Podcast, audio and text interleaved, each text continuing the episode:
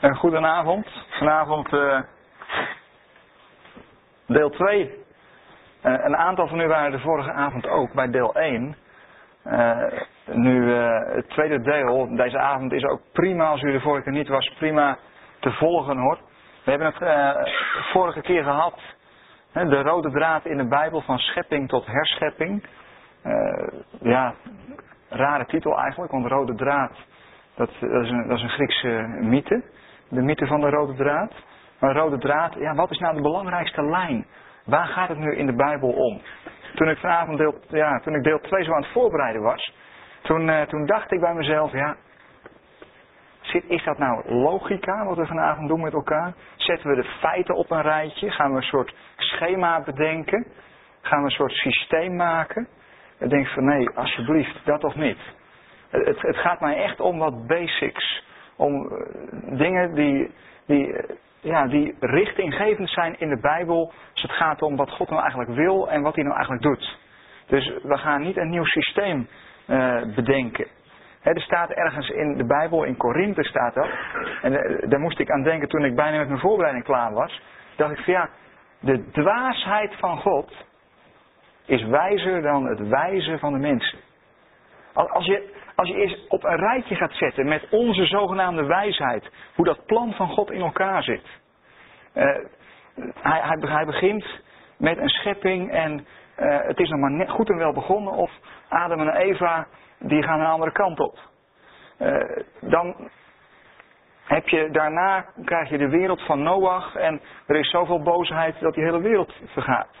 Dan kiest hij Abraham uit, maar eh, en, en, en uit hem moet een groot volk komen, maar Abraham kan geen kinderen krijgen. En, en, en zo gaat het maar door. Hè? Het, het, het lijkt wel alsof God een, een weg kiest, dat als je er een systeembeheerder aanzet, en, en die moet dus een plan bedenken, nou dan komt hij niet met zo'n plan. Daarmee bedoel ik maar, we kunnen het volgen, je kunt het begrijpen, maar snappen doe je het niet. Begrijpt u die? Je begrijpt het, want je leest het en je zegt, oh, zo is het gegaan. Eh, omdat het geopenbaard is. Maar snappen, dat is lastig. het is God die het zo heeft bedacht. Misschien als wij zo'n plan hadden moeten bedenken, hadden we het heel anders gedaan. Uh, de vorige keer, toen, uh, toen ja, zijn we niet verder gekomen dan de inleiding van de inleiding volgens mij. Dus vanavond staat er nog een hoop op, op het programma. Vorige keer hebben we het gehad over, eerst is de vraag van, heeft God eigenlijk een plan? Nou, ik ga het niet herhalen, moet u even de cd beluisteren. Uh, ja, kwamen we tot de conclusie, uh, ja, God heeft wel degelijk een plan. Het, het is zelfs zo dat in openbaring 13 staat dat het lam was al voor de grondlegging der wereld geslacht. Is dat chronologisch? Nee, dat is niet chronologisch. Dat is wel ja, basics van het plan. Oftewel, de verlossing stond al vast voordat de schepping begonnen was. Toen was die verlossing al klaar. Dus als je het hebt van schepping tot herschepping, dan, ja, dan is die rode draad al helemaal uitgezet voordat God begon. Dat kan ook niet anders, want de Heer Jezus zegt zelf in het Evangelie: als je een huis gaat bouwen, dan ga je eerst de kosten berekenen, dan ga je eerst ga je, uh, ga je dat bedenken. Nou, als hij dat aan ons als tip geeft, dan zal hij dat zelf toch ook wel doen. Uh, de vorige keer zijn we wel blijven, blijven steken bij, bij Genesis 3. En voor verder zijn we niet gekomen. En uh, daar hadden we het over de interessante vraag, en, en, daar pakken we nu de draad maar op. hoe zit dat nou met zonde? zonde wat, wat zo'n ja, vernietigend effect heeft gehad in, in dat hele scheppingsgebeuren, waar we nu ook ja, met huid en haar ook, ook last van hebben. Wat is eigenlijk zonde? Dan wil ik eh, een tekst lezen uit 1 Johannes 3, vers 4. Dus we pakken hier de draad gewoon lekker op met elkaar. 1 Johannes 3, vers 4. Uh, eh, ik zoek hem altijd even op. U hoeft het voor mij niet te doen hoor, want ze staan ook in principe geprojecteerd de meeste teksten. Maar om het verband uh, zoek ik het toch even op. Uh, 1 Johannes 3, daar, daar vind je een mooie definitie van wat nu zonde is in de Bijbel. Ik, ik lees even vanaf het eerste vers. Bedenk toch hoe groot de liefde is die de Vader ons heeft geschonken. Wij worden kinderen van God genoemd. En dat zijn we ook. Dat de wereld ons niet kent, komt doordat de wereld hem niet kent. Geliefde broeders en zusters, wij zijn nu al kinderen van God. Wat we zullen zijn is nog niet geopenbaard, maar we weten dat we aan hem gelijk zullen zijn wanneer hij zal verschijnen. Want dan zien we hem zoals hij is. Ieder die dit vol vertrouwen van hem verwacht, maakt zich rein, zoals ook Jezus rein is. En dan vers 4. Ieder die zondigt, overtreedt Gods wet. Want zondigen is Gods wet overtreden. Nou, dit is uh, vanuit de MBV-vertaling een, een, tikje misleidend. Want uh, zondigen is Gods wet overtre overtreden. Ja, maar, zegt Romeinen, er was al zonde voordat, er een, voordat Gods wet er was. Dus als je dit vers zo leest, zondigen is het overtreden van de geopenbaarde wet van God. Zoals geopenbaard aan Mozes, de Torah. Uh, hoe zit het dan met de periode voor de Torah? Nou, als je de NBG-vertaling neemt, die heeft dat wat nauwkeuriger vertaald. En die heeft vers 4 vertaald met: Ieder die de zonde doet, doet ook de wetteloosheid. En de zonde is niet het overtreden van de Torah, nee, de zonde is wetteloosheid. En, en wetteloosheid wil zeggen, je voldoet niet aan de norm. Welke norm dan ook, of het nou Torah is, of de scheppingsnorm die daarvoor al was. dus je, eh, je, voldoet niet aan de norm. Dat is uh, ja, een definitie van, van zonde. Ja. Nou, nog even om, dat, goed helder met elkaar te krijgen. Hè, wat nou precies zonde is, gaan we nog een tekst lezen uit Richteren 20. In de broederstijd tussen de stam Benjamin en, uh, en, en, Israël. Toen uh, uh, ja, werden er 700 mannen opgeroepen, linkshandige mannen. En ja, die moesten met een steen gaan slingeren. Dat lezen we in Richteren 20. Ook daar gaat het, me meer, gaat het maar om het begrip zonde. Het in, het, in het Oude Testament het begrip gata. En dan staat er in Richteren 20.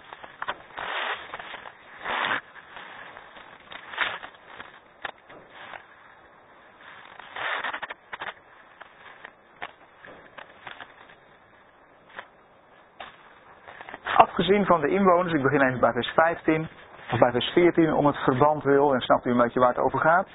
Uit alle steden in hun stamgebied kwamen ze naar Gibea om de strijd aan te binden tegen de andere Israëlieten. bijna een burgeroorlog hier in Israël.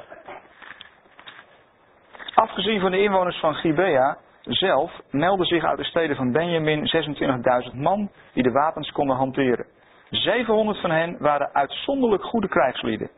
Dat waren 700 linkshandige slingeraars nou, apart dat erbij staat, hè? linkshandig. Wordt dus in een bijbelstudie op zich. Die zo haarscherp konden mikken dat ze hun doel nooit misten. En uh, ja, uh, letterlijk staat daar dat ze zo haarscherp konden missen zonder te zondigen. Zonder te zondigen. Hier wordt het woordje gebruikt wat in het Oude Testament normaal gesproken voor, voor, voor zondigen wordt gebruikt. Dus uh, zondigen, ja, is een mooie definitie. Als je zondigt, dan mis je je doel. Dan heb je je doel gemist.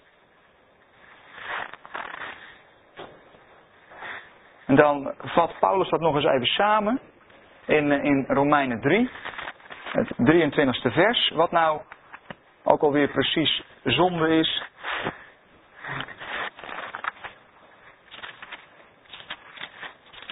En in Romeinen 3 uh, ja, daar, daar legt Paulus uit dat eigenlijk uh, de hele schepping uh, daar ja, in, terecht is gekomen, in die, in die macht van de zonde. Er is geen mens rechtvaardig, zelfs niet één. Geen mens verstandig. Vers, vers 10, 11. En, en dat gaat zomaar door. En dan staat er in vers 23 een soort samenvatting van de situatie van ieder mens, van ieder schepsel, Jood en niet-Jood. Iedereen heeft gezondigd en ontbeert de nabijheid van God. Of ja, komt tekort aan de heerlijkheid van God. Mist de heerlijkheid van God.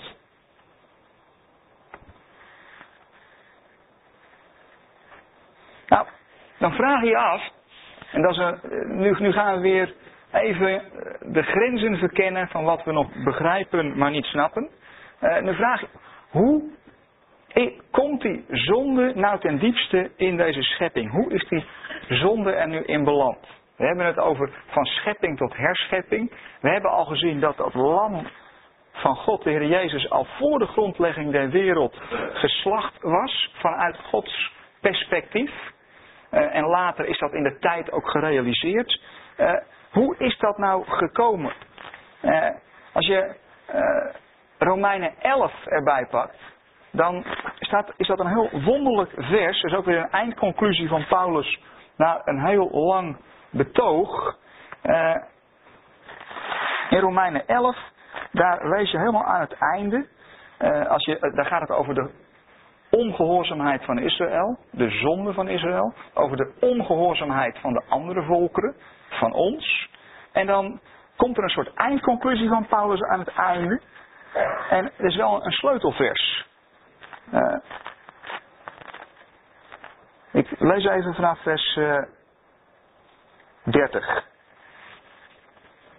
Zoals u God eens ongehoorzaam was, maar door hun ongehoorzaamheid, dat u, dat zijn eh, de heidenen, en door hun ongehoorzaamheid, dat zijn de Israëlieten, uh, Gods barmhartigheid hebt ondervonden, zo zijn zij, de Israëlieten, nu ongehoorzaam om door de barmhartigheid die u ondervonden hebt, ook zelf barmhartigheid te ondervinden. Nou, hier komen we wat later op de avond nog wel even op terug. Maar het gaat me nu even om dat 32e vers. Want God heeft ieder mens uitgeleverd aan de ongehoorzaamheid. Opdat hij voor ieder mens barmhartig kan zijn. Uh, dat uitgeleverd aan, dat kun je ook vertalen met uh, bepaald tot of overgeleverd aan. Uh, er, het, het, zoals het hier staat, is het onderdeel van een plan. Onderdeel van een plan. Nu komen we bij een heel lastig punt.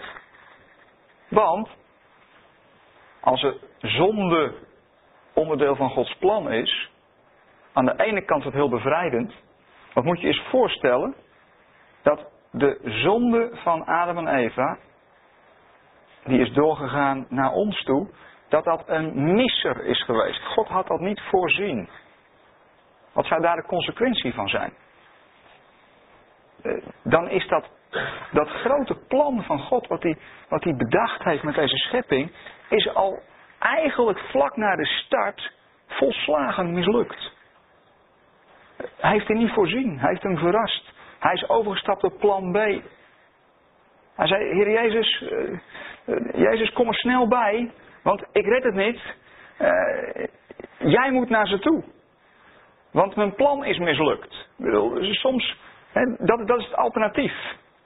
Maar aan de andere kant hadden Adam en Eva dan wel een keus. Heeft God het zo bekokstoofd? Lastig, hè?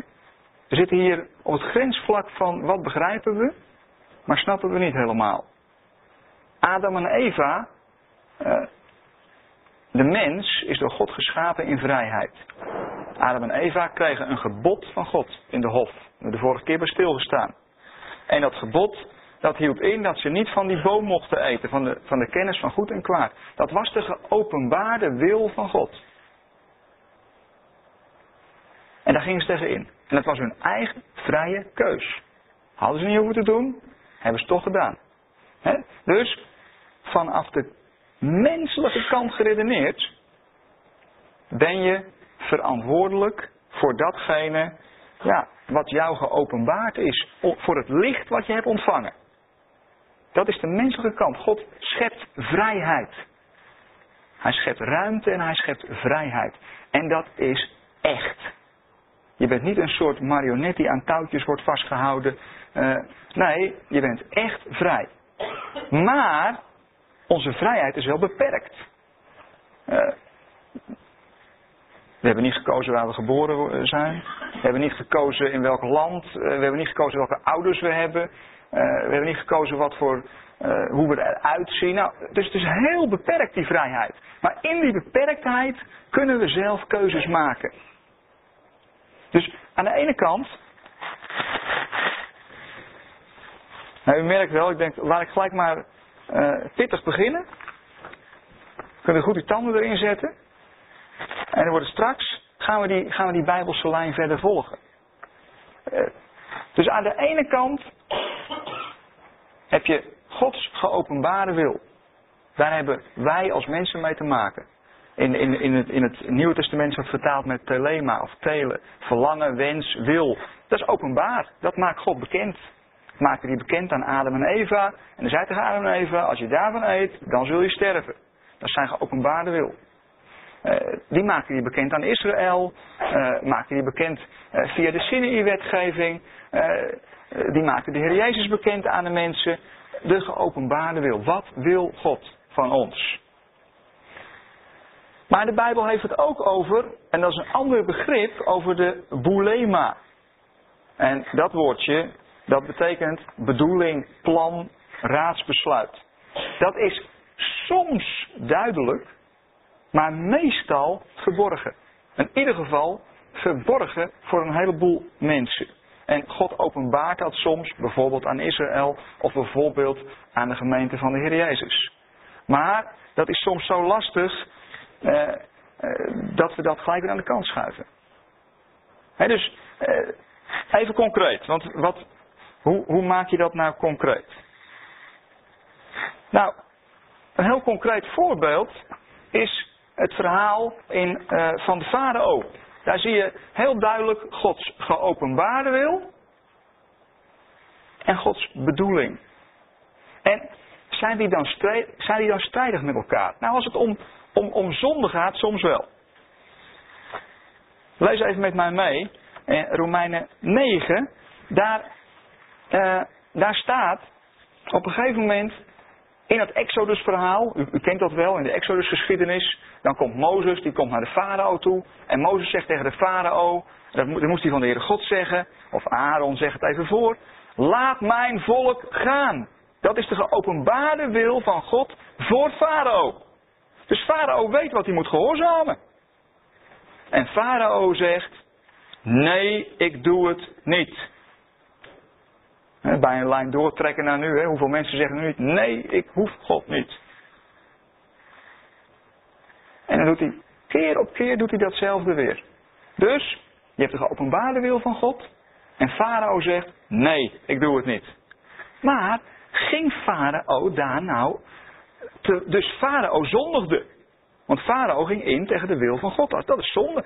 Hij, hij, hij miste op dat moment het, het doel van wat God met hem voor had. Want God zei, je moet dat volk laten gaan. Hij deed het niet. Dus Farao zondigde. Maar ging Farao daar nu ook in tegen de bedoeling van God?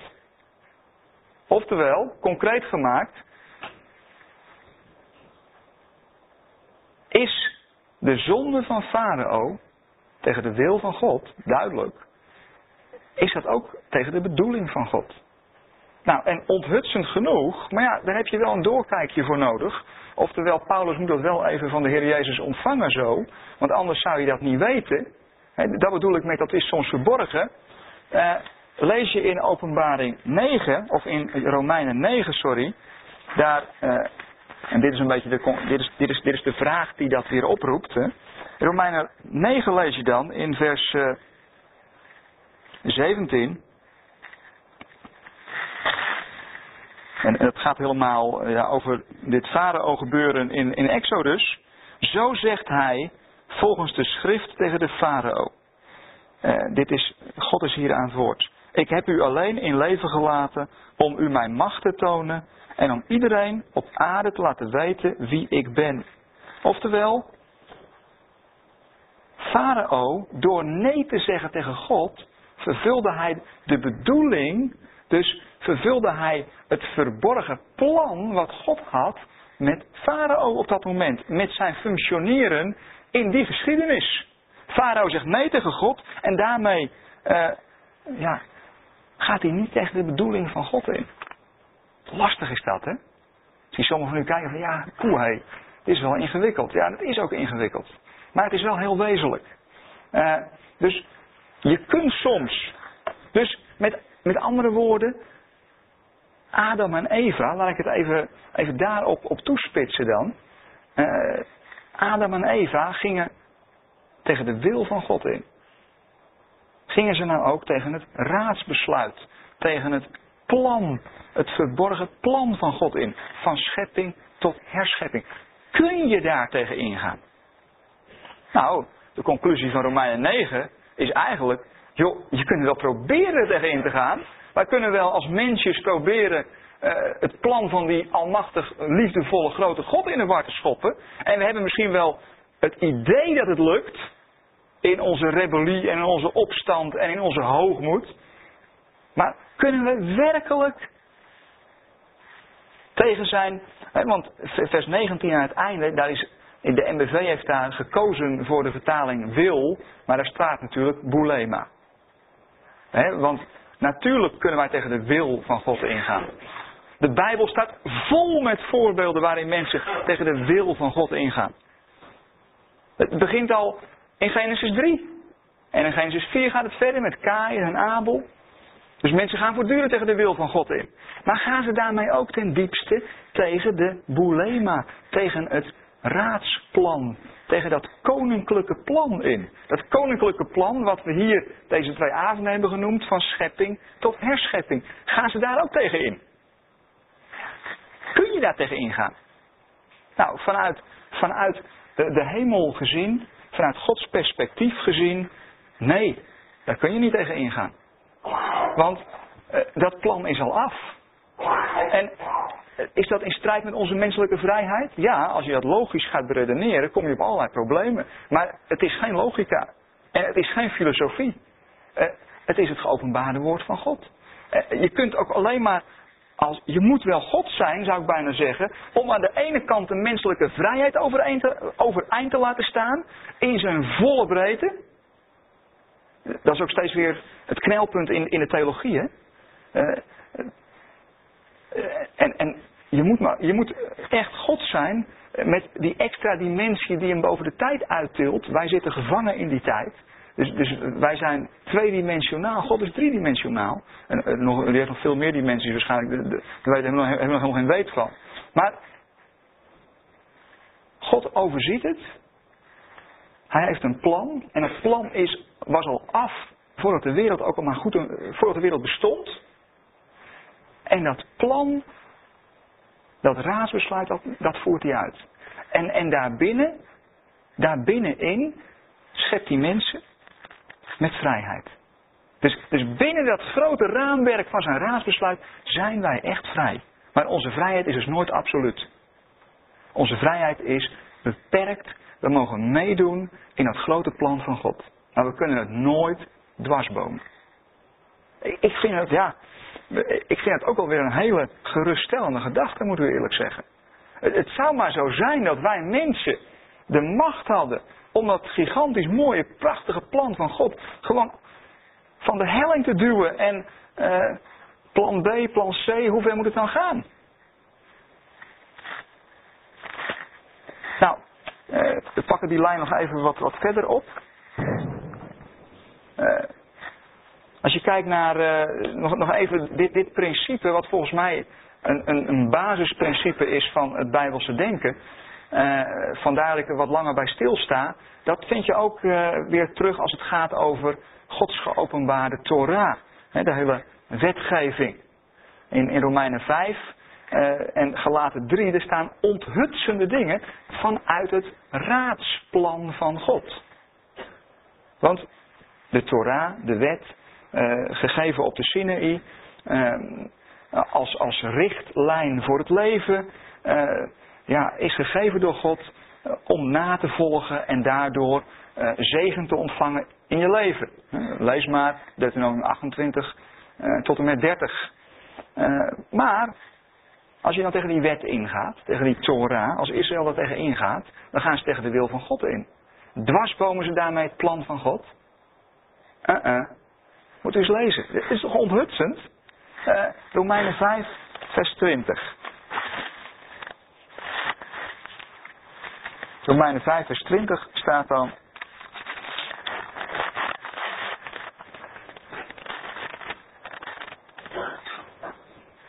En later is de wet erbij gekomen zodat de overtredingen toenamen. Maar waar de zonde toenam, werd ook de genade steeds overvloediger. Dus vanuit dat raadsplan van God geredeneerd, want dit is weer zo'n doorkijkje, uh, gaat de wet ervoor zorgen dat de overtredingen nog steeds meer toe gaan nemen. En uh, in gelaten 3, daar, daar lees je vanuit dat raadsplan bekeken uh, nog veel meer onthutsende informatie over de wet. Gelaten 3, vers 24 heb ik hier even genoemd, maar je kunt nogal meer versen daaruit lezen. Uit dat gelaten 3.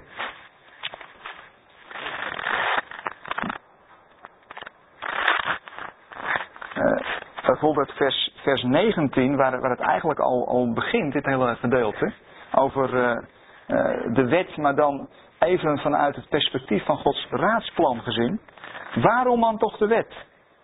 De wet is later ingevoerd om ons bewust te maken van de zonde in de tijd dat de nakomelingen aan wie de belofte was gedaan nog komen moest. Ze werd door engelen aan een bemiddelaar gegeven. Dus de wet is gegeven om ons bewust te maken van de zonde. Nou, maar dat soort dingen lees je niet in, in het Oude Testament hoor. Lees je niet in, in de Sinaï-wetgeving dat de wet bedoeld is zodat de overtredingen zouden toenemen. Uh, dat lees je niet in de geopenbaarde wil van God. Uh, uh, je leest hier dat dat mede de bedoeling is geweest. dan in vers 23. Voordat dit geloof kwam, het geloof in de Heer Jezus en het geloof van de Heer Jezus, werden we door de wet bewaakt. We leefden in gevangenschap tot het geloof geopenbaard zou worden. Kortom, de wet hield toezicht op ons totdat Christus kwam, zodat we door ons vertrouwen op God als rechtvaardigen konden worden aangenomen. Dat is mooi hè? Dus eh, het overtreden van de wet, daarmee zondig je. En daar ben je zelf verantwoordelijk voor. Want dat is je, dat is je menselijke verantwoordelijkheid. En, en daar word je dus ook voor gestraft. He, want je bent daar volop verantwoordelijk voor. Maar, maar in het overtreden van die wet ga je ja, zit je volop uh, ja, in dat raadsplan van God. Het loopt niet uit de hand. Het loopt niet uit de hand. Dat, dat wil het eigenlijk allemaal bij elkaar zeggen. Uh, in uh, Efeze 1 wordt dat heel mooi samengevat, wat we nu met elkaar wat hebben doorvrocht. In Efeze 1, vers 9 en 10 staat dan ja, dat Efeze 1 dat is een hoofdstuk waard om eens rustig bestudeerd te worden. Als we nieuwe thema's gaan bedenken, uh, moet u maar met ons meedenken voor volgend jaar. Wat voor thema's nou uh, mooi zijn om eens, eens, goed in te gaan duiken. Uh, Efeze 1, daar, gaat het over, over de Heer Jezus. Hoe kan het ook anders? En dat we in Hem en door Zijn bloed zijn verlost en onze zonden zijn vergeven. En dan gaat het verder die God ons in overvloed heeft geschonken. Hij heeft ons in al zijn wijsheid en inzicht dit mysterie onthuld. Zijn voornemen, Gods voornemen, Boulema, zijn plan, zijn raadsplan, om alles in de hemel en op de aarde onder één hoofd bijeen te brengen onder Christus. In hem heeft God, die alles naar zijn wil en besluit tot stand brengt, ons de bestemming toebedeeld om vanaf het begin onze hoop te vestigen op Christus tot eer van Gods grootheid. Hier vind je het weer in, eigenlijk in één zin. Uh, in hem heeft God die alles naar zijn wil, telema, en besluit. En dat is dat boelema, zijn plan. Dus zijn wil en zijn besluit werken samen, maar zijn niet altijd hetzelfde. He? Uiteindelijk komt er natuurlijk een moment in geschiedenis, in de geschiedenis, dat die twee één zullen worden.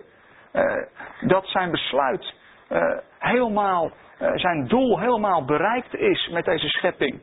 En, en, en dan is er geen conflict meer tussen zijn geopenbaarde wil en, en tussen wat hij bedoeld heeft.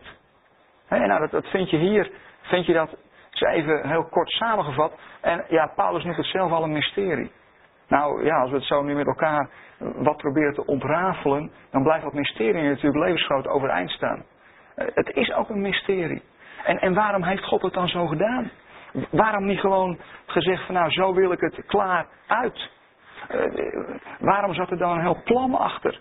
Ja, zo heeft hij het bedacht. en, en, van, van schepping naar herschepping toe. Maar, dat is natuurlijk wel mooi, want daarom kunnen we met elkaar over praten. Hij heeft het natuurlijk wel onthuld. En we, we, moeten de Bijbel erop na gaan lezen van, van waarom heeft hij het nou zo gedaan? Kunnen we daar iets over vinden? Uh, en, en hoe heeft hij het dan gedaan? Het, het hele proces door. Maar dan blijft dat mysterie nog steeds overeind staan. Nou, het, het doel is duidelijk. Hè? alles in de hemel en op de aarde wordt onder één hoofd bijeengebracht onder Christus. Vandaar dat de Heer Jezus al voor de grondlegging der wereld geslacht was. Hè? Openbaring 13. Nou, ik kwam een mooie uitspraak tegen. Die ik hier een beetje bij vond passen. Van uh, Kierkegaard, Søren Kierkegaard. Maak ons gelijk een beetje bescheiden.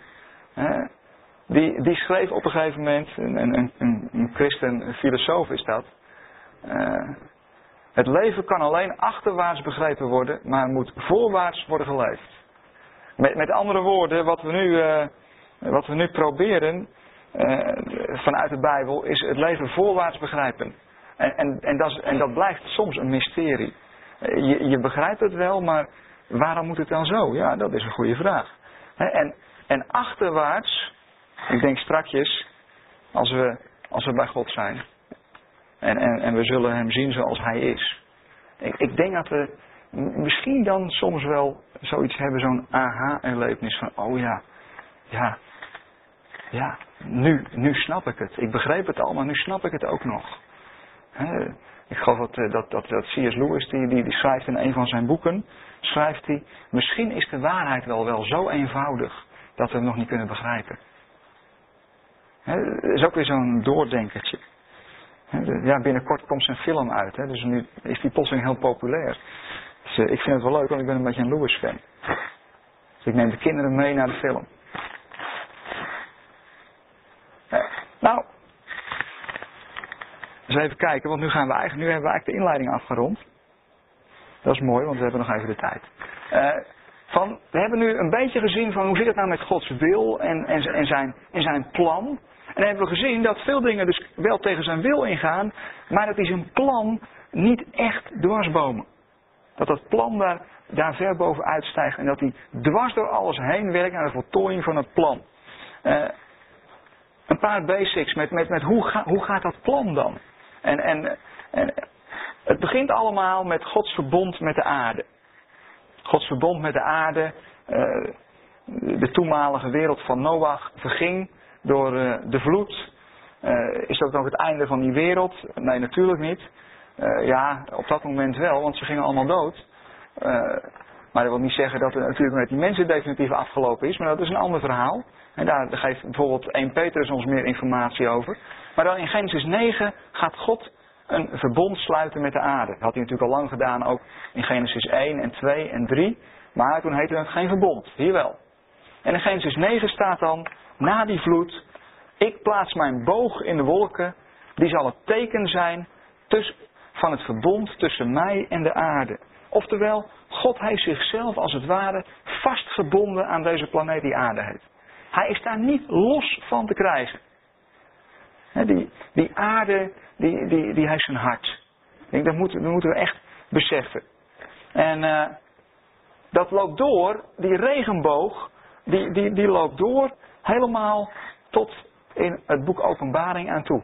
In onze uh, kanon, het laatste Bijbelboek. Dat vind je heel mooi in Openbaring 4. Daar uh, als Openbaring 4 als ja, bijna de oordelen over de aarde gaan.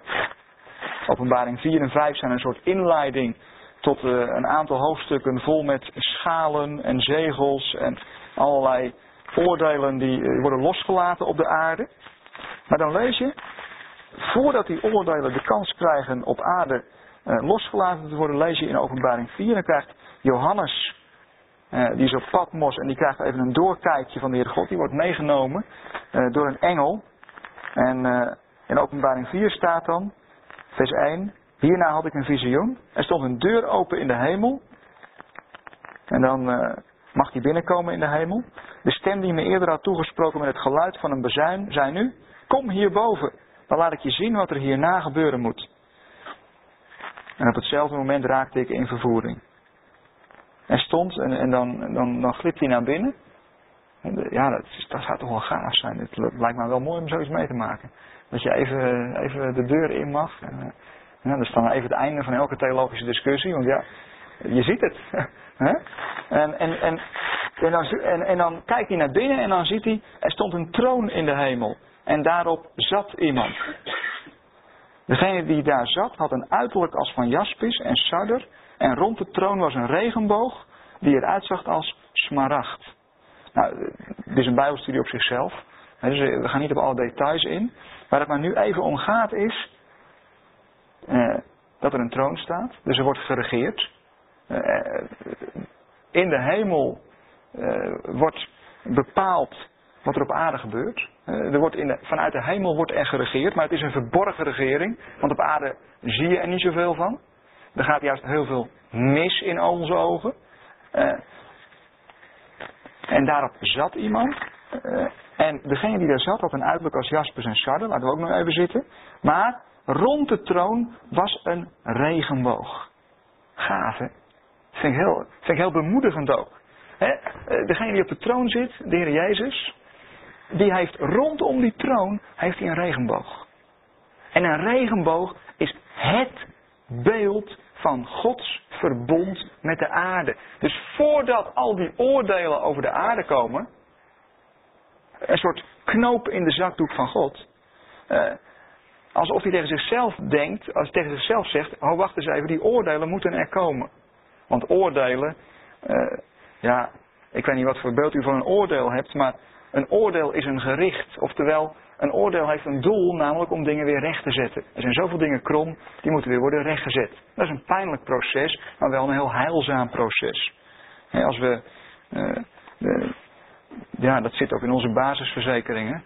Als er iets krom gegroeid is, wordt het weer rechtgezet. En anders moet hij echt een aanvullende verzekering erbij afsluiten. Nee, dat, dat is Gods verzekering. Gods verbond met de aarde. Dingen worden weer rechtgezet. Uh, en dat is oordeel.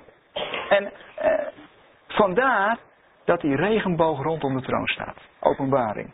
Ja, ik moest openbaring er echt bij halen, want Peter had het beloofd hè, in onze Bijbelkring. Die zei het gaat nou over, over openbaring, maar dat is maar een klein beetje waar. Maar toch een beetje. Hè?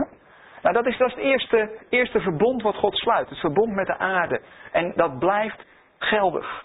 Uh, daar wil hij helemaal niet onderuit. Uh, het tweede verbond, uh, wat je in de Bijbel vindt, is Gods verbond met Abraham. Dat is een heel, heel wonderlijk gebeuren. Abraham, die, de aarde, die, die ging ja, zelfs na de zondvloed, ging de aarde opnieuw de mist in, mag ik het zo noemen. Dus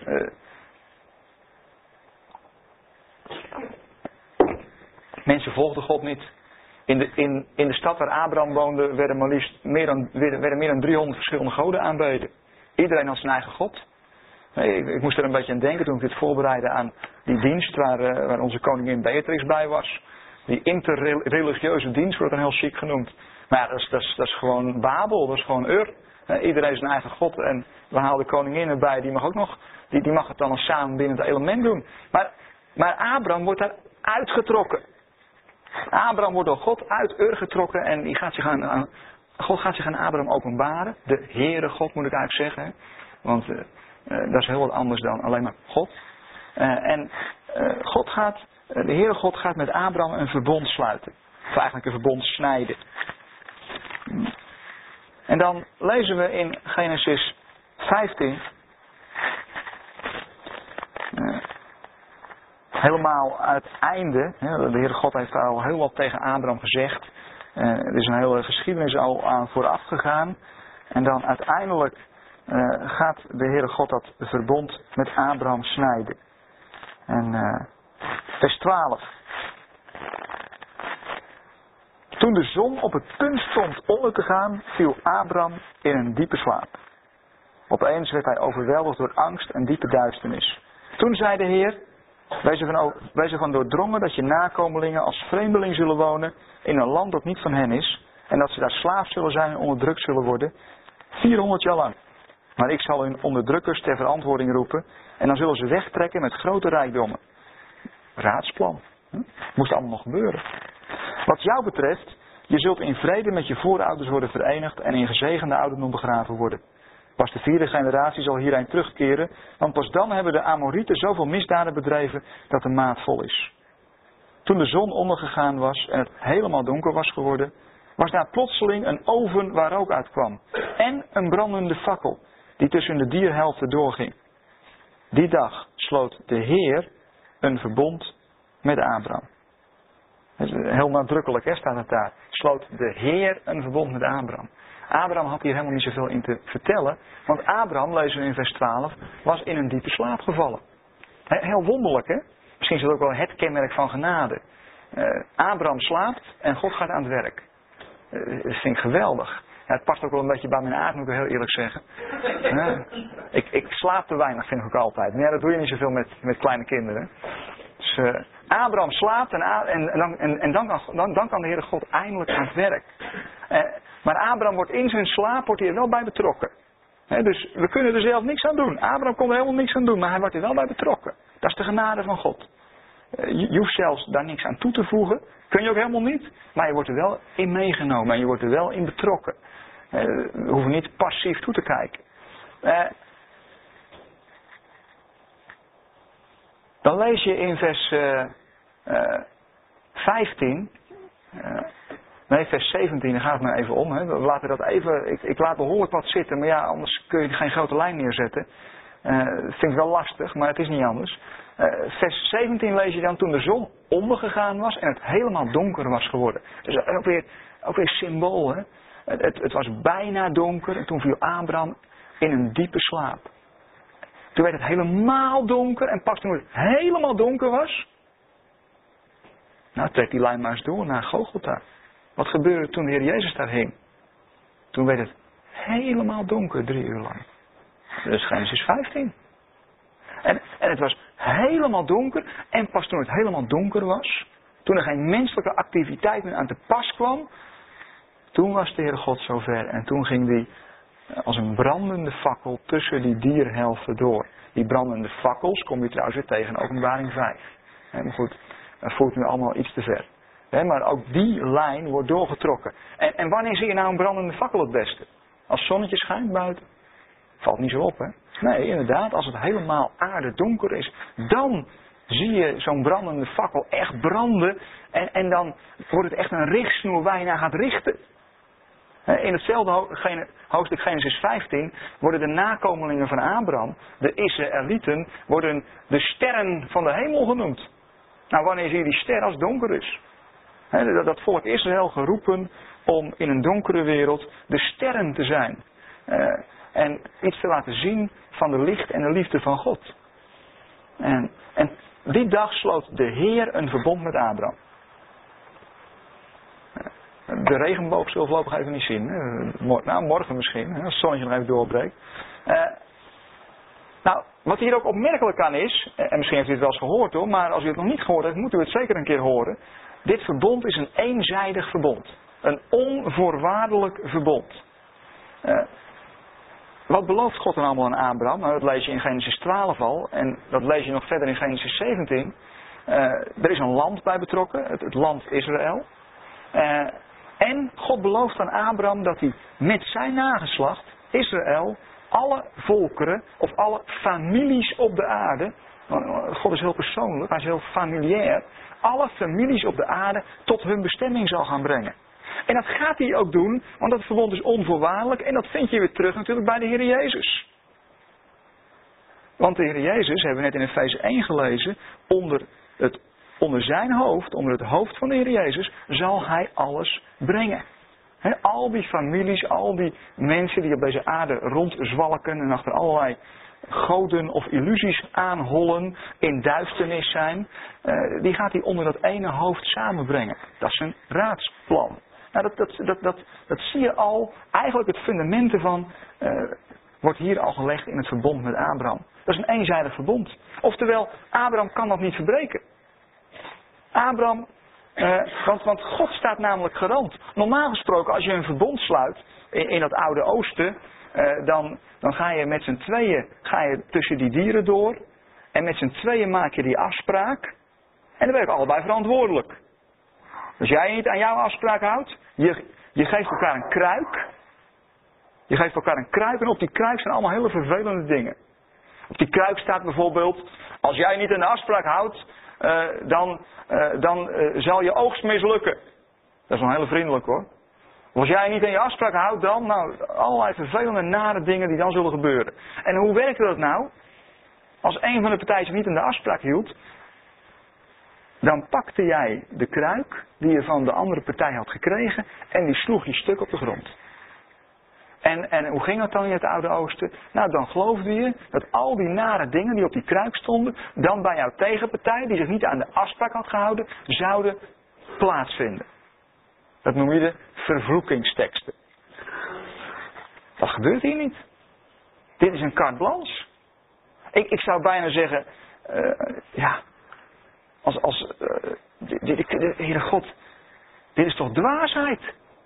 De dwaasheid van God. Het is toch dwaasheid? De Heere God levert zich met huid en haar over aan Abraham. Hij stelt geen voorwaarden. Het is onvoorwaardelijk. Dat is heel fundamenteel. Uh, bij wijze van spreken, Abraham had de volgende dag boeddhist kunnen worden. Nou is dat ingewikkeld, uh, chronologisch gezien. Want dat bestond nog even niet. Maar hij had de volgende dag boeddhist kunnen worden. En het verbond was niet verbroken. Want God is de enige verantwoordelijke in dat verbond. Want de Heer sloot een verbond met Abraham. Er is geen kruik. Dus dat is een onvoorwaardelijk verbond. Vandaar dat het verbond ook rechtstreeks wordt doorgetrokken naar de Heer Jezus. De Heer Jezus die zegt, het is volbracht. Hij zegt er niet bij, het is volbracht voor degenen die nu geloven. Nou ja, hij zegt, het is volbracht. Het is onvoorwaardelijk. Onvoorwaardelijk. Zoals dit verbond ook onvoorwaardelijk is. Fundamenteel. Daarom zie je dat ook door de hele Bijbel heen, zie je dat doorlopen. Dan, uh, weet u waar we hier zijn, bij dit, uh, bij dit plaatje? Wie? Waar, waar is dit een uh, afbeelding van, denkt u? Ja, de Sinaï. De Sinaï. Want daar wordt nog een verbond gesloten. Het Sinaï-verbond. En ja, nu wordt het ingewikkeld. Want die twee worden soms door elkaar heen gehaald. Het verbond dat God heeft gesloten met Abraham en met zijn nakomelingen, Israël. En in Abraham met de volkeren. En daarna komt er een tweede verbond. En dat verbond wordt het Sinaï-verbond genoemd. En heel kenmerkend daarvan uh, is Exodus 18, vers 8. Uh, daar, zie je ook gelijk ja, het hele voorwaardelijke. Uh, daar, daar, antwoordt het volk. De, Mozes die houdt ze voor dat de Heere God graag een verbond met ze wil sluiten. En dat de Heere God wil dat ze als heilig volk gaan leven. Als zijn persoonlijk eigendom op deze aarde. En, en dan gaat Israël er antwoord op geven. En dan zeggen ze in Exodus 18, vers 8.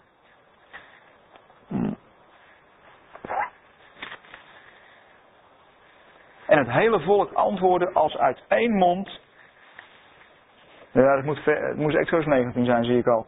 In de haast is, er, is, er een, uh, is het 18 geworden, maar goed dat ik het even nazoek. Uh, Exodus 19, vers 8. Ik begin even bij vers 7. Uh, nou, vers 6 is nog mooier. Uh, want dan zie je wat, wat, wat Israël moest gaan worden. Een koninkrijk van priesters zul je zijn, Israël, een heilig volk. Breng deze woorden aan de Israëlieten over. Mozes ging terug, riep de oudsten van het volk bijeen en deelde hun alles mee wat de Heer hem had opgedragen. En het hele volk antwoordde, vrijwillig, hadden ze niet hoeven te doen, nee, dat wilden ze, als uit één mond we zullen alles doen wat de Heer heeft gezegd. En, en, en dan komt uh, ja, de wetgeving. Dan, uh, dan komen de tien woorden. Maar de wetgeving is natuurlijk veel uitgebreider. En uh, dat vind ik wel heel mooi. dat is helemaal niet wettisch. Want al voordat precies bekend is wat de Heer dan allemaal van ze verlangt, zeggen ze al, we zullen alles doen wat de Heer heeft gezegd. Dat is eigenlijk een geloofsuitspraak. dat is wel heel mooi. Eh, en, dan komt de hele uh, wetgeving op de Sinaï. En dat gaat een aantal hoofdstukken in Exodus door. Zeer uitgebreid. Want uh, ja, God wilde dat volk heilig, onberispelijk voor zijn aangezicht. En dan eindigt dat, en daar zie je het voorwaardelijke hierin. In Deuteronomium, de hoofdstukken 28 tot en met 30. Want bij een voorwaardelijk verbond, wat je met z'n tweeën sluit, dit is niet eenzijdig, dit is tweezijdig. Israël deed zelf mee, ze waren niet in slaap gevallen. Uh, ja, ze hadden gewoon in slaap moeten vallen. Nee hoor, dit hoort natuurlijk bij dat raadsplan van God. Hè. Daar hoorde dit allemaal in. Dus Israël zei ja, wij willen. Zij waren de ene partner, God was de andere partner. Dus, dat is een gelijkwaardig verbond waarin je allebei aan de afspraak moet houden. God moet zich aan zijn afspraak houden. En dat is de zegen. Want, lees maar in Deuteronomium 28. Uh, Mozes sprak, als u de Heer, uw God, gehoorzaam bent en al zijn geboden, zo ik u ze vandaag heb voorgehouden, zorgvuldig naleeft, zal hij, zal hij u hoog boven andere volken op aarde verheffen. En omdat u hem gehoorzaam bent, zullen u deze zegeningen toevallen. En komen er hele concrete zegeningen allemaal. Een heleboel. En gezegend is de vrucht van uw schoot, de vrucht van uw land, de vrucht van uw vee. Deuteronomium 28 vers 4. Of vers 5. Gezegend is de oogst die u, die u binnenhaalt, het deeg dat u kneedt. Heel concreet.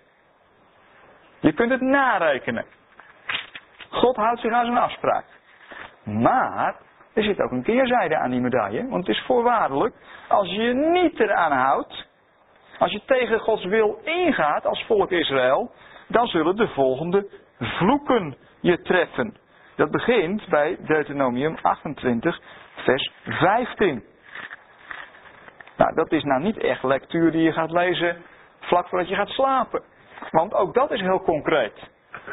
Maar als u de Heer uw God, Deuteronomium 28 vers 15, niet gehoorzaamt en zijn geboden en wetten, zoals ik u ze vandaag heb voorgehouden, niet nauwkeurig naleeft, zullen deze vervloekingen u treffen. Nou, en dan volgen er allemaal vervloekingen en eh, ja, dat gaat veel langer door als die zegeningen. Dat is wel apart vind ik dat. Want dat gaat door uh, tot en met uh, vers 68. Dus dat loopt van vers 15 tot en met vers 68. Dus dat is voorwaardelijk. Dat is puur voorwaardelijk. En ja, hier zie je dat God die lijn met Israël oppakt. En dat het soms goed gaat. En dan zie je dat Israël wordt gezegend. Dat het soms fout gaat. En dan zie je dat het misgaat in Israël. Dat zie je door de hele geschiedenis van het Oude Testament heen. Zie je dat steeds op en neer gaan. Maar het gaat meer neer dan op. Dus Israël gaat vaak tegen Gods geopenbaarde wil in. En dat leidt tot een eerste ballingschap, dat leidt tot een tweede ballingschap. En, en dwars daardoorheen wordt het zeer duidelijk. Maar ja, dat staat ook in dat raadsplan opgesloten. Israël redt het niet. Israël redt het niet. Lees Romeinen 3. Eh, de hele wereld wordt strafwaardig voor God. Eerste Jood, die redt het niet. Niet door zijn wetten heen. Hij, hij, kan het niet volhouden. Maar ook de heiden redt het niet. Want die kan niet leven naar zijn, naar zijn eigen geweten. Hij gaat er steeds over de grens heen. En, en dwars, daar alles, dwars door alles heen wordt het duidelijk, er moet een Messias komen. Er moet een verlosser komen. Er moet een redder komen.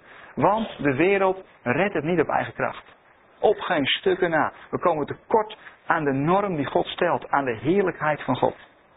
En, en, dat Sinaï-verbond maakt dat aan alle kanten duidelijk. Is dat verbond dan, dan niet goed of zijn die wetten niet goed? Die zijn, die zijn fantastisch. En, en je kunt op, op basis daarvan een, een, een, een, een samenleving neerzetten die, die, die, die, die staat als een klok. Als een goddelijk uurwerk zou ik bijna zeggen. Maar, maar het lukt ze niet. Het lukt ze niet. En dan lees je trouwens, ja dat is wel weer bemoedigend hoor. Uh, midden in dat voorwaardelijke heb je gelukkig ook Deuteronomium 30. En uh, ja, daar zie je weer dat de, de genade en de ontferming al sterker is.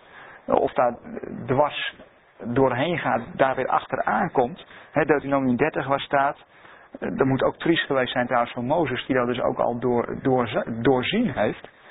Wanneer alles werkelijkheid is geworden, wat ik u beschreven heb, zegeningen en vervloekingen. En wanneer u tenslotte door de Heer uw God uiteengejaagd en verstrooid onder alle volken daar lering uitgetrokken hebt. En samen met uw kinderen naar de Heer uw God terugkeert en hem weer met hart en ziel gaat gehoorzamen. Daartoe heb ik u vandaag aangespoord. Dan zal de Heer uw God in uw lot een keer brengen. Hij zal zich over u ontfermen en u, na u eerst verstrooid te hebben, weer uit al die landen bijeenbrengen. Nou, dat zien we nu ook gebeuren. Zelfs al zijn sommige verbannen naar het einde van de wereld. De Heer, uw God, zal u terughalen en weer bij elkaar brengen. Hè? Uh, dit gaat nog verder, hoor. Uh, het hart zal besneden worden. Nou, de Heilige Geest die in je komt wonen. Geweldig. Dus God, God, laat hier zelfs midden in dat voorwaardelijke, laat hij al zien. Ho, wacht eens even. Dat voorwaardelijke, dat staat wel op het fundament van de onvoorwaardelijke trouw aan de wereld en de onvoorwaardelijke verbondenheid aan Abraham. En dus aan Israël en dus aan de volkeren. Dat voorwaardelijke is er later bijgekomen, zoals Romeinen 5 zegt. Om de zaak zonneklaar te maken dat mensen het op eigen kracht, zelfs met een prachtige openbare wet, waarin precies wordt voorgeschreven hoe je het moet doen. De gebruiksaanwijzing, laat ik het zo maar eens noemen, de goddelijke gebruiksaanwijzing voor een gelukkig leven. Maar zelfs daarmee red je het niet op eigen kracht. En dat is maar goed ook zegt Paulus later. Want dan zie je dat je het moet hebben van genade. Want van eigen kracht word je maar hoogmoedig, word je opgeblazen. En ja, dan, ga, dan ga je al snel denken van ja, maar ik heb er toch wel een beetje recht op.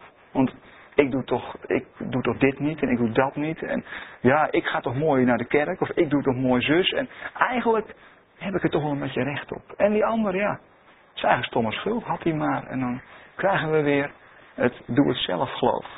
Het voorwaardelijke. En dat werkt niet, hebben we bij Israël gezien. Het werkte voor Israël niet en het werkt voor ons ook niet. En toen. Ja. En toen uh, kwam de Messias voor Israël inderdaad. Nou, dit gedeelte moeten we natuurlijk even lezen, omdat we vlak voor kerst zitten ook. Maar ook als we niet voor kerst hadden gezeten, had ik het nog gelezen. Uh, de Messias kwam voor Israël. Ik heb er heel speciaal bij gezet voor Israël. Lucas 2, daar lezen we, en u kent die geschiedenis wel. De engel zei tegen hen, tegen die herders, wees niet bang, want ik kom jullie goed nieuws brengen. Dat het hele volk met grote vreugde zal vervullen. Vandaag is in de stad van David voor jullie een redder geboren. Hij is de Messias, de Heer. Gaaf hè? Hier zie je de geopenbaarde wil. Die engel die gaat het vertellen. Maar tegelijkertijd staat er al bij, ik kom jullie goed nieuws brengen dat het hele volk met grote vreugde zal vervullen. Dat is helemaal niet uitgekomen, hè? weet u dat? Dat is helemaal niet uitgekomen. Want heel het volk, is heel het volk er blij van geworden? Ze zeiden 33 jaar later, kruisig hem. Ze waren er niet erg blij van geworden kennelijk.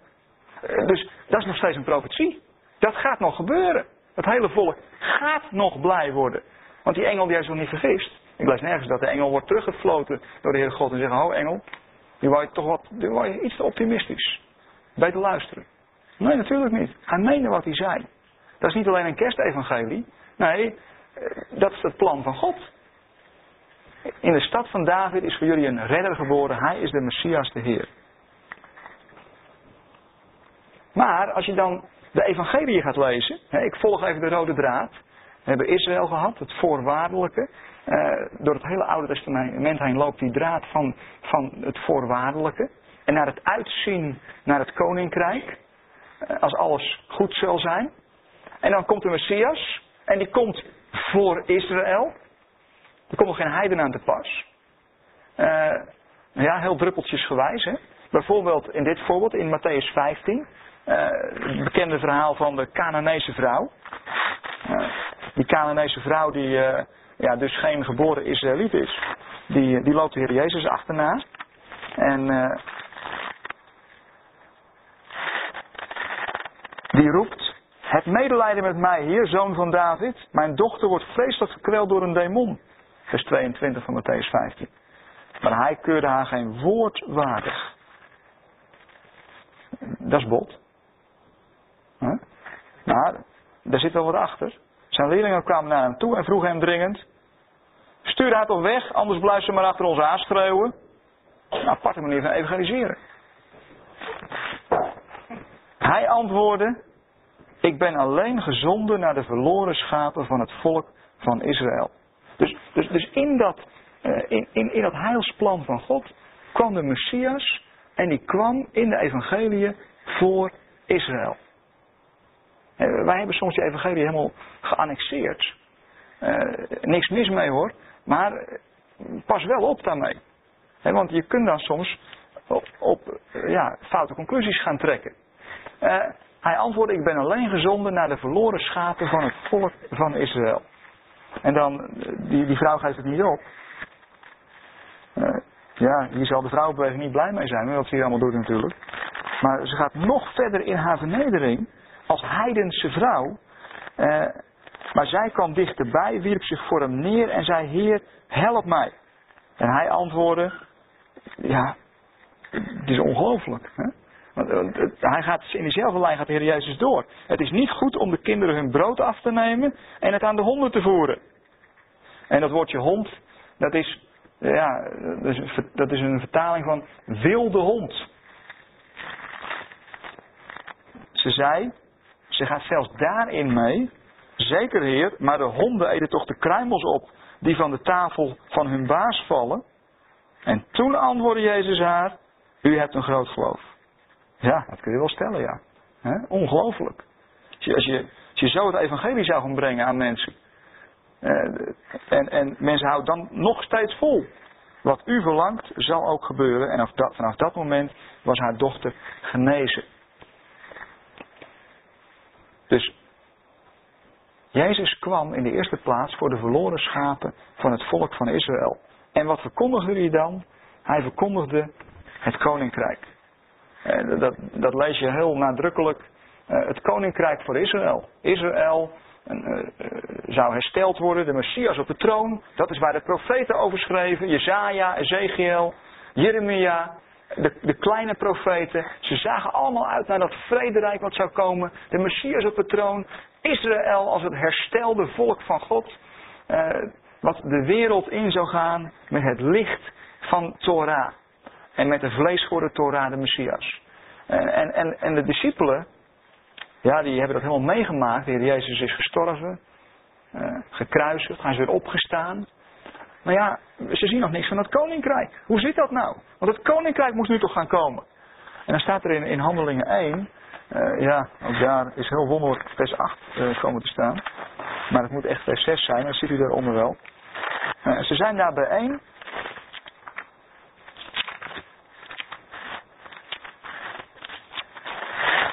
En dan vragen ze aan de Heer Jezus, vragen ze van, gaat het nu gebeuren? Gaat het nu gebeuren? Uh, handelingen 1, uh, eh, vers 6. Zij die bijeengekomen waren vroegen hem, Heer, gaat u dan binnen afzienbare tijd het koningschap over Israël herstellen? Nu gaat het toch gebeuren? En hij antwoordde, het is niet jullie zaak om te weten wat de Vader in zijn macht heeft vastgesteld over de tijd en het ogenblik waarop deze gebeurtenissen zullen plaatsvinden. Ze zullen plaatsvinden. Maar die discipelen, hun nieuwsgierigheid wordt niet bevredigd. Ze moeten gewoon aan het werk. Uh, dat koningschap, dat zie je dan in de, in de rest van het Nieuwe Testament. Dus die evangeliën, uh, dat is nieuws over het koninkrijk wat aanstaande is. En, en uh, dat koninkrijk, dat zal plaatsvinden. En dat zal in de geschiedenis zal het gaan gebeuren. Maar het is er nog steeds niet. We zijn 2000 jaar verder. We zijn nog steeds nog niet bij dat koninkrijk. Dus die discipelen, eh, ja, die moesten wel een lange adem hebben. Dat wisten zij niet. Er was toen een verwachting van een onmiddellijke wederkomst van je. Jezus ging, ging, ging naar de hemel toe, hemelvaart. En ze verwachten hem elk moment weer terug. Want het koningschap dat moest, dat moest hersteld worden. Dat was het toekomstperspectief. En ja, dan gaat de Heer God het toch weer anders doen. Waarom? Weet ik niet, maar gaat het weer anders doen. En, en dat, daar moeten we nog heel even naar kijken.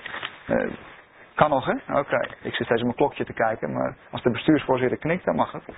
Uh, want, wat zien we dan? Het uitgestelde koninkrijk. Die, die toekomstverwachting van Israël, het, het, ja, het wordt naar achteren geschoven, lijkt wel. In, in Handelingen 15, een paar hoofdstukken verder, dan hebben de discipelen, allemaal bijna nog Joden, de eerste heiden hebben zich ook aangemeld onder groot protest uh, van een aantal. Dat heeft heel veel discussies opgeleverd. Wat moest je met die rare heidenen? Laten ze zich dan in ieder geval eerst fatsoenlijk besnijden. Laten ze de spijswetten gaan houden. Nee, zeiden Paulus en Barnabas. Ze mogen gewoon meedoen met de club. En uh, dan in Handelingen 15, daar staat uh, een heel profetisch gedeelte. Uh, ik lees even vanaf vers 14. Simeon heeft uiteengezet hoe God zelf het plan heeft opgevat om uit de heidenen een volk te vormen dat zijn naam vereert. Uh, ja, dat is vrij sensationeel. Uh, dat stemt overeen met de woorden van de profeten. Er staat immers geschreven, dan, oftewel daarna, na die periode van de heidenen. Dus kennelijk, er wordt nu een periode ingelast. En je zou kunnen zeggen, uh, het was een doorlopende lijn, leek zo. Israël, de Messias kwam, Israël bekeert zich, het koninkrijk breekt aan voor de wereld. Met Israël in Jeruzalem uh, en met de Messias in Jeruzalem op de troon. Maar nu, nu, nu wordt er ja, goddelijk ingebroken bijna. Uh, en, en, en daarna, nadat die tijd van de heidenen is afgerond, daarna, oftewel, dan keer ik terug op mijn schreden, ik zal het vervallen huis van David herbouwen, uit het puin zal ik het weer opbouwen. Ik zal dit huis doen herrijzen, zodat de mensen die overgebleven zijn de Heer zullen zoeken, evenals alle heidenen over wie mijn naam is uitgeroepen. Zo spreekt de Heer die dit van oudsher heeft aangekondigd. Je ziet dat planmatige weer, dat, dat raadsbesluit. Uh, ja, wonderlijk. Wonderlijk. En, en, en, en dan komt de gemeente, dat lichaam van de Heer Jezus, daar tussendoor gefietst. Daar tussendoor geschoven.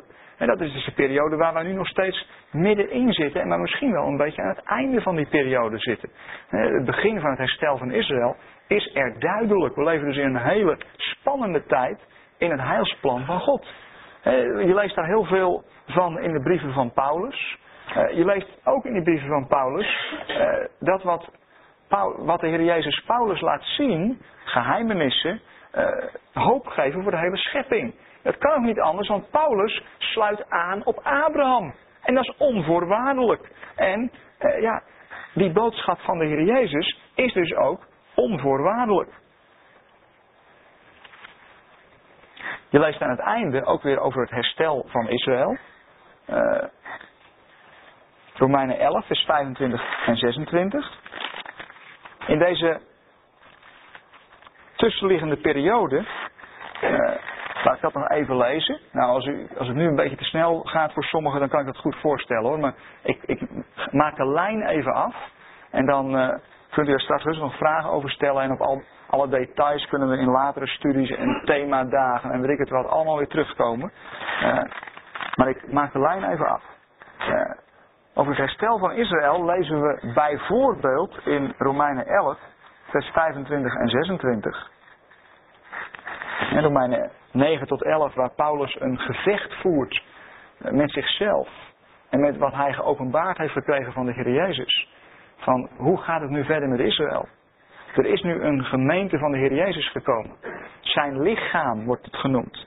En, en, die, en die gemeente die, die laat zien ja, de hoop van het evangelie. Maar hoe zit het dan met Israël?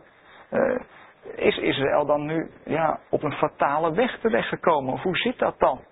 En, en dan lees je in openbaring 11, uh, eh, ja niet in openbaring, uh, ja, in Romeinen 11, sorry, lees je dat het met Israël wel goed komt. Maar het is wel een geheim. is niet logisch. Romeinen 11, vers 25, waar Paulus zegt, er is, broeders en zusters, een goddelijk geheim dat ik u niet wil onthouden. Omdat ik wil voorkomen dat u op uw eigen inzicht afgaat. Dat vind ik een schitterend vers, hè? Prachtig, dat maakt je zeer bescheiden. En, en tegelijkertijd, uh, ja, uh, leren ze ook heel goed lezen. Want ja, daar moeten we het uiteindelijk allemaal van hebben. Al die leuke inzichten van ons, leuk en interessant hoor, maar je komt er natuurlijk geen stap verder mee. Wat zegt God? En uh, slechts een deel van Israël werd onbuigzaam. En dat alleen tot het moment dat alle heidenen zijn toegetreden. Waarop dat lichaam van Christus, die gemeenteperiode, afgerond wordt. Ja, en dan? Want ja, wat heb je daar dan aan? Dan zal heel Israël worden gered, zoals ook geschreven staat. De redder zal uit Sion komen. Nou, is Lucas 2 dus toch waar, hè? Is Lucas 2 dus toch waar. God komt daarop terug. En wentelt dan de schuld af van Jacobs nageslacht. Dit is mijn verbond met hen wanneer ik hun zonde wegneem. Prachtig. Dat is toch geweldig. Dat onvoorwaardelijke, dat komt steeds weer bovendrijven, midden door het voorwaardelijke heen. God gaat Israël weer herstellen. En het boek Openbaring, die zou daar ja, als ondertitel uh, bij kunnen schrijven, Israël op, op weg naar het koninkrijk. Het zijn barensweeën, Israël op weg naar het vrederijk. En dat lezen we dan ook in Openbaring hoofdstuk 20. dan helemaal aan het einde dan, uh, uh, dan zie je dat uh, op die vernieuwde aarde, dan zie je dat, dat Gods woonplaats weer onder de mensen is. Dat is het eerste wat je ziet. Je ziet ten tweede in die, die hoofdstukken ja, dat, het, dat daar nog volop een proces aan de gang is op die vernieuwde aarde. Er is nog water wat leven geeft. Er zijn, is nog een, er zijn bomen en, en die bladeren geven genezing. Ja, dan moet u dat, die hoofdstukken rustig voor nalezen. We hebben er één keer een hele studieavond aan gewijd. Dus ik, ik, u kunt die cd gewoon even rustig nalezen. Dan snapt u wat ik bedoel. En je ziet dat openbaring 21 en 22, dat zelfs daar het proces van vernieuwing nog niet voltooid is, maar nog volop aan de gang is. En dat is wonderlijk. Daar sluit ik mee af. Paulus kijkt verder. Paulus kijkt zelfs nog verder. Dat raadsplan van God hebben we het nu weer over.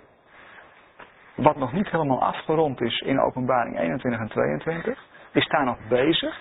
Maar Paulus is, ja, door de genade van de, van, van de Heere God, mag hij nog wat verder kijken. En dat ziet hij bijvoorbeeld in Colossense 1. En daarom wil ik daar graag mee afsluiten. Colossense hoofdstuk 1. Wat trouwens ook het thema is van uh, uh, de studiedag, van een themadag die we hebben op 11 februari, hier in Amersfoort. Uh, samen met Otto de Bruyne. En dan hebben we het over Colossense 1. Colossense hoofdstuk 1. En daar, ja, ik lees die gewoon even voor. Ik ga er niet al te veel meer over zeggen maar u ziet duidelijk dat, dit, uh, ja, dat hier alles op zijn plek komt. En het heeft natuurlijk alles te maken met de Heer Jezus. Hoe kan het ook anders? Hij, de Heer Jezus, is het beeld van de onzichtbare God. De eerstgeborene der ganse schepping. Want in hem zijn alle dingen geschapen, die in de hemelen en die op de aarde zijn.